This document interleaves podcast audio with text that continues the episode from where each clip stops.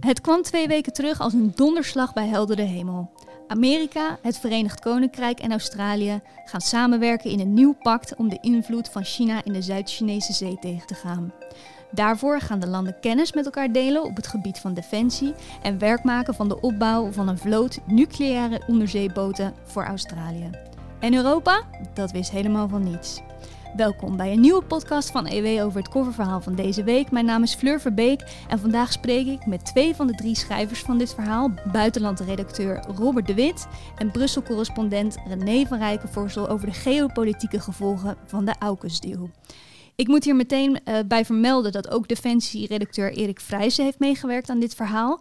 Hij kon hier vandaag helaas niet bij aanwezig zijn. Uh, en Robert zit bij mij in de studio en René spreken we vanuit Brussel. Welkom heren. Hartelijk dank. Hi. Robert, ik begin bij jou. Uh, voor wie het allemaal heeft gemist, of voor wie het niet duidelijk is wat deze mega-overeenkomst precies omvat, uh, wat voor gevolgen heeft AUKUS precies? Um, ja, je zei het eigenlijk al een beetje. Uh, AUKUS, dat is um, een defensiepact tussen drie landen die, um, die gaan samenwerken. Een soort nieuw militair bondgenootschap zou je kunnen zeggen. het meeste in, in het oog springende onderdeel van die deal is, zijn die acht kernonderzeeërs. Die worden gebouwd in Adelaide straks, als het goed is. Het is voor het eerst dat de Verenigde Staten uh, um, die militaire technologie opnieuw delen. Ze hebben het één keer eerder gedaan met, met het Verenigd Koninkrijk, maar nu dus opnieuw met Australië. En dat blijft waarschijnlijk ook bij die ene keer. Maar die uh, deal die omvat veel meer. Zoals je zei, de, het gaat ook om het uitwisselen van militaire technologie.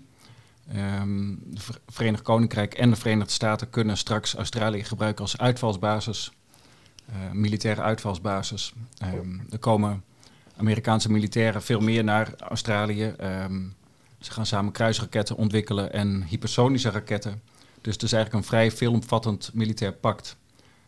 En dat is van belang, omdat je vanuit Australië kun je eigenlijk, zeker met die kernonderzeeërs, kun je heel Azië bestrijken. Tot aan de kust van China, zou je kunnen zeggen. En dat is dan ook precies het belang van die deal. Australië heeft uh, gekozen voor het Amerikaanse kamp en kan nu eigenlijk China bedreigen. Dat is, uh, dat is de deal. Ja, uh, de, de, aanleiding hè, is de steeds grotere hebberigheid van China in de Zuid-Chinese Zee. Um, hoe heeft China in de afgelopen jaren zijn invloed in dit gebied uitbreid? Eigenlijk heel simpel. Ze hebben gewoon gezegd: het is van ons. Um, het wordt betwist door heel veel landen die eraan grenzen: Vietnam, Filipijnen, Maleisië deels, Japan. Uh, maar China zegt het is van ons, uh, ondanks dat er uh, uitspraken, juridische uitspraken zijn geweest die het tegendeel zeggen. China trekt zich daar niets van aan en spuit daar kunstmatige eilandjes op. Eigenlijk precies waar Nederlanders altijd goed in zijn. plant er een vlag op en gaat er patrouilleren en intimideert bijvoorbeeld vissersvloten van andere landen. Ja, en dat, dat leidt natuurlijk tot heel veel onvrede bij die buurlanden. Maar goed, die zijn niet zo groot, militair machtig en economisch machtig. Maar eigenlijk gaat het om veel meer hoor dan, dan de Zuid-Chinese Zee. Je, het is eigenlijk vrij lastig om een land te vinden in Azië dat geen dispuut heeft met China. Dus ja, er zijn eigenlijk uh, steeds meer landen die moeite hebben met die toenemende agressie en uh, militaire dwang van, van China. Ja, dus het, het is eigenlijk om een, een, een tegenwicht te, te, te bieden. Um, China reageerde heel fel en sprak meteen ook van een nieuwe Koude Oorlog. Zie jij dat, uh, zie jij dat ook zo? Nou, die nieuwe Koude Oorlog is eigenlijk al langer aan de gang hoor. Um, er is volgens mij, de, er zijn maar weinig voorbeelden van, van landen uh, in de geschiedenis die zo snel zo'n groot leger hebben opgebouwd als China nu. Dat gaat echt uh, in ongekend tempo. En de Amerikanen die zijn ook een klein beetje in paniek. afgelopen voorjaar was er een Amerikaanse admiraal. Um, die de opbevelhebber is van, van de Amerikaanse strijdkrachten in die regio. En zei van ja, het, is, het wordt lastig voor de Verenigde Staten om China bij te benen daar. Dus ze maken zich grote zorgen. Uh, en dat China nu spreekt van ja, nu begint er een nieuwe koude oorlog, dat is een beetje, beetje vreemd om dat nu bij Australië neer te leggen. De Australische krijgsmacht is dan natuurlijk geen, ja, geen tegenstander van formaat voor de, uh, voor, uh, voor de Chinezen. Hebben de Chinezen nog bondgenoten over in de regio? Nou, niet heel, niet heel erg veel. Um, Pakistan zou je kunnen zeggen, Rusland. Maar in al die gevallen geldt dat China um, een maatje te groot is. Zelfs voor Rusland. Uh, Rusland wordt steeds kleiner, zou je kunnen zeggen, steeds zwakker. Demografisch, ook uh, economisch. Ja, en dat loopt zo scheef dat, dat je daar niet van serieuze partners kunt spreken. En ik denk dat dat ook het belangrijkste is aan deze deal. Australië die um, heeft lang gedacht van we kunnen wel economisch samenwerken en geld verdienen aan de Chinezen. En tegelijkertijd onafhankelijk blijven. Maar ja, ze worden ook steeds vaker worden ze economisch gestraft door China. Dus nu zegt ze van tot hier en niet verder. Um, en die deal die slechts tussen drie landen is, ja, dat is eigenlijk onderdeel van een, van een groeiende groep landen die denkt van we kunnen beter ons aansluiten bij elkaar en bondgenootschappen zoeken, zodat we sterker staan tegenover dat machtige China. René, het akkoord leidde tot flink scheve gezichten in Europa. Waarom hebben de drie landen de EU hier niet in meegenomen? Ja, dat is, een, uh, dat is voor, voor jou een vraag en voor mij eigenlijk ook. Uh, ik uh, kan niet in, de, in de kijken van, van met name de Joe Biden. Maar de mensen die ik spreek um, hierover, die, die wijzen, die zeggen eigenlijk dat het gewoon kleurigheid is geweest van de Amerikanen. Het is gewoon niet nagedacht. En uh, ja, je kan je bijna niet voorstellen, uh, zo'n groot land met een, uh, met een, nou ja, met een groot ministerie van Buitenlandse Zaken, met een, nou ja, de, de, de, de, de, agent van de, van de wereld, die al niet nadenkt over, over hoe andere landen op zo'n beslissing zouden kunnen reageren. Kijk, dat de Britten niet zoveel boodschap hebben aan Europa, dat begrijp ik natuurlijk wel, want die, want die, die zijn door Europa toch ja, op een manier behandeld die, die ze niet, Brexit, die niet echt de boel uh, die nog echt vriendelijk heeft gelaten. Um, en de Australiërs, die, uh, ja, die waren natuurlijk uit op die contractbreuk, daar kom ik zo nog even op met die, met die Fransen over die onderzeeërs. Ja, die, die, die, die zaten misschien ook een beetje met hun uh, met billen. Maar de Amerikanen hadden toch even wel wat kunnen laten weten. En dus nou ja, de mensen die ik spreek zeggen, het is gewoon klungeligheid geweest.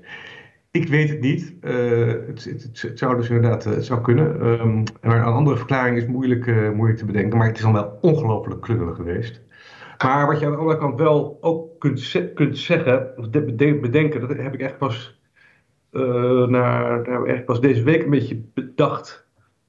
dat je de, de, zou de ruzie ook zo enorm zijn geweest als de Fransen niet die order hadden zien ingetrokken worden van die 12 kernonderzeeërs ter waarde van minimaal 50 miljard euro. Enorm werkgelegenheid verschaffend aan, ik geloof, Cherbourg, uh, de, uh, nou ja, het Franse staatsbedrijf Naval. Dus ik denk dat het was wel de mix eigenlijk van, van de verrassing en, de, en het feit dat, dat er gewoon een enorme order werd weggetrokken uit, uit, uit Europa dat dat tot die grote boosheid heeft geleid. Want die boosheid werd ook vooral aangevuurd door de Fransen. En ik denk als die onderzeeërs er niet. Ik moet onderzeeboten zeggen, Erik Vrijs trouwens. Als die onderzeeboten er niet mee geboeid waren geweest. dat dan de soep iets minder heet gegeten zou zijn.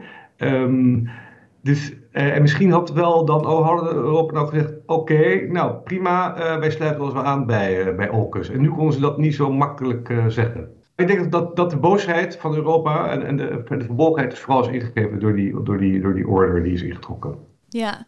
ja, inderdaad, zoals jij zegt, vooral Frankrijk was woedend. Um, hebben internationale relaties echt permanente schade opgelopen of kon dit vrij snel weer glad worden gestreken?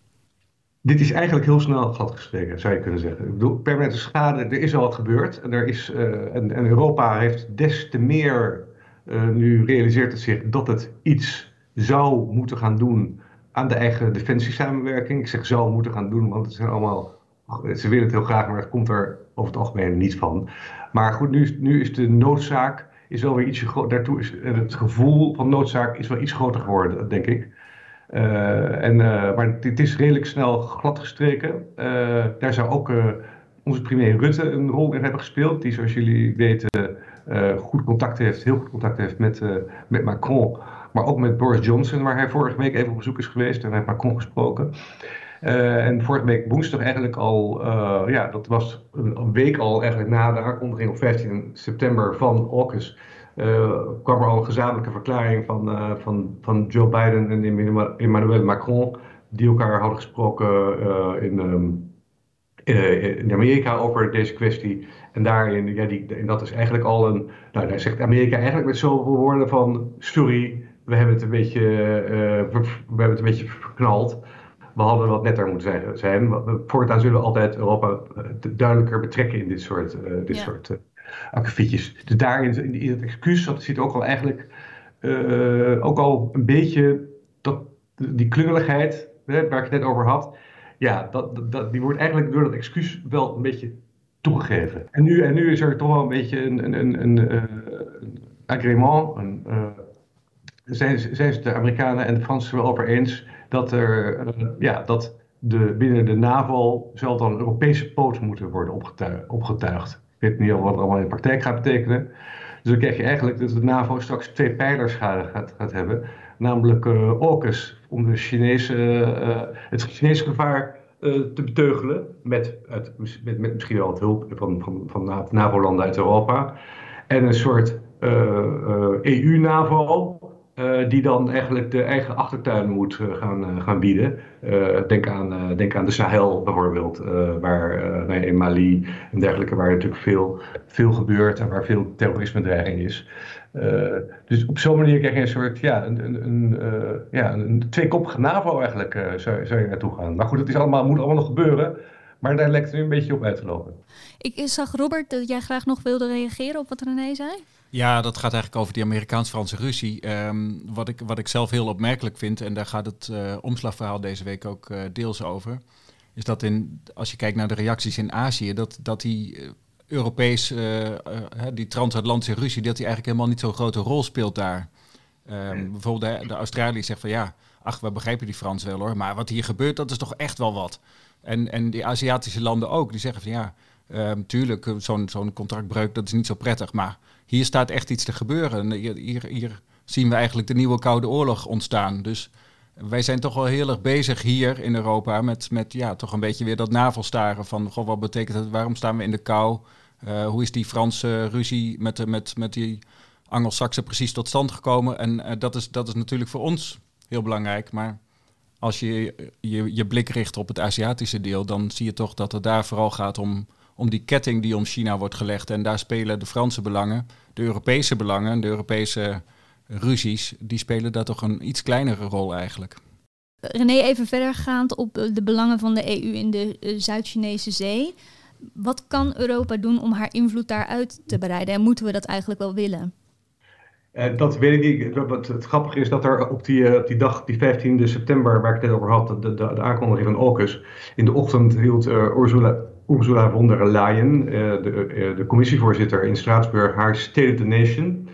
Um, en State of the Union moet ik uiteraard zeggen, sorry. en State of the European Union. En daarin kondigde ze trots aan het begin van een, van een Indo-Pacific strategie van de Europese Unie. Maar goed, dat, is allemaal, dat, waren nog, zijn, dat nog woorden uh, en nog geen, nog geen daden. En diezelfde uh, avond werd ze overvleugeld door, door, door de aankondiging van AUKUS, die natuurlijk al, waar ze natuurlijk een, stap, een heleboel stappen verder waren. Uh, maar, wat de, en wat, maar wat ze kunnen doen verder daar in die, in die, in die zin. Kijk, de, Fransen hebben daar ook weer, dat is wel weer grappig, de grootste, de grootste belangen. Met strategische belangen hebben ze het zelfs over. Met, ze hebben daar in die, als je de Indo-Pacific is iets enorms. Hè, die Zuid-Chinese zee is, is, niet, is niet, niet zo groot. Maar als je de hele Indo-Pacific neemt, nou, dat is natuurlijk een enorm groot gebied. En daar hebben de Fransen weer eilanden als Réunion, Nieuw-Caledonië en Frans-Polynesië. En daar wonen dus 1,6 miljoen Franse staatsburgers. En het, er gaat, eh, weet ik wat, zoveel miljard aan economie om. Dus dat willen ze wel, uh, dat willen ze wel nou ja, ook zelf, daar willen ze ook zelf wel enige zeggenschap uh, houden. Maar goed, hoe dat precies zal gaan, dat, dat weet ik eerlijk gezegd niet. We gaan het zien. Robert en René, ik wil jullie bedanken voor jullie uitleg. En voor wie nu het hele kofferverhaal, ook dus geschreven door Erik Vrijsen, wil lezen, vindt het huidige nummer nu in de winkel. Maar lezen kan natuurlijk ook via de site ewmagazine.nl. Daarin ook antwoord op de vraag hoe een nucleaire duikboot er nu van binnen uitziet en hoe de bemanning aan boord leeft. Daarmee zijn we aan het eind gekomen van deze podcast. Ik wil jullie bedanken voor het luisteren. Vergeet u niet te abonneren. Volg ons op Twitter en Facebook voor de laatste updates. En graag tot de volgende keer.